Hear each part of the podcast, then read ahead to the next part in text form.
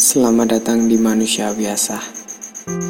Masih dengan saya Hendra dan semua akan berakhir pada tanya untuk apa? Pertanyaan yang cukup simpel namun sungguh entah sampai titik mana kita akan terus berjuang dari mulai balita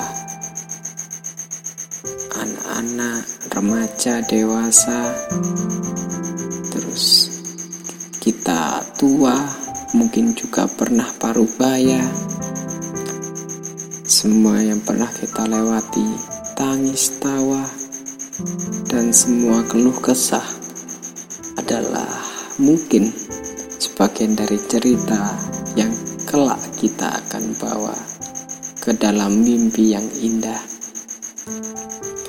Dan tentunya suatu saat kita harus yakin bahwa kita akan mampu untuk tumbuh dan terus menumbuhkan selalu.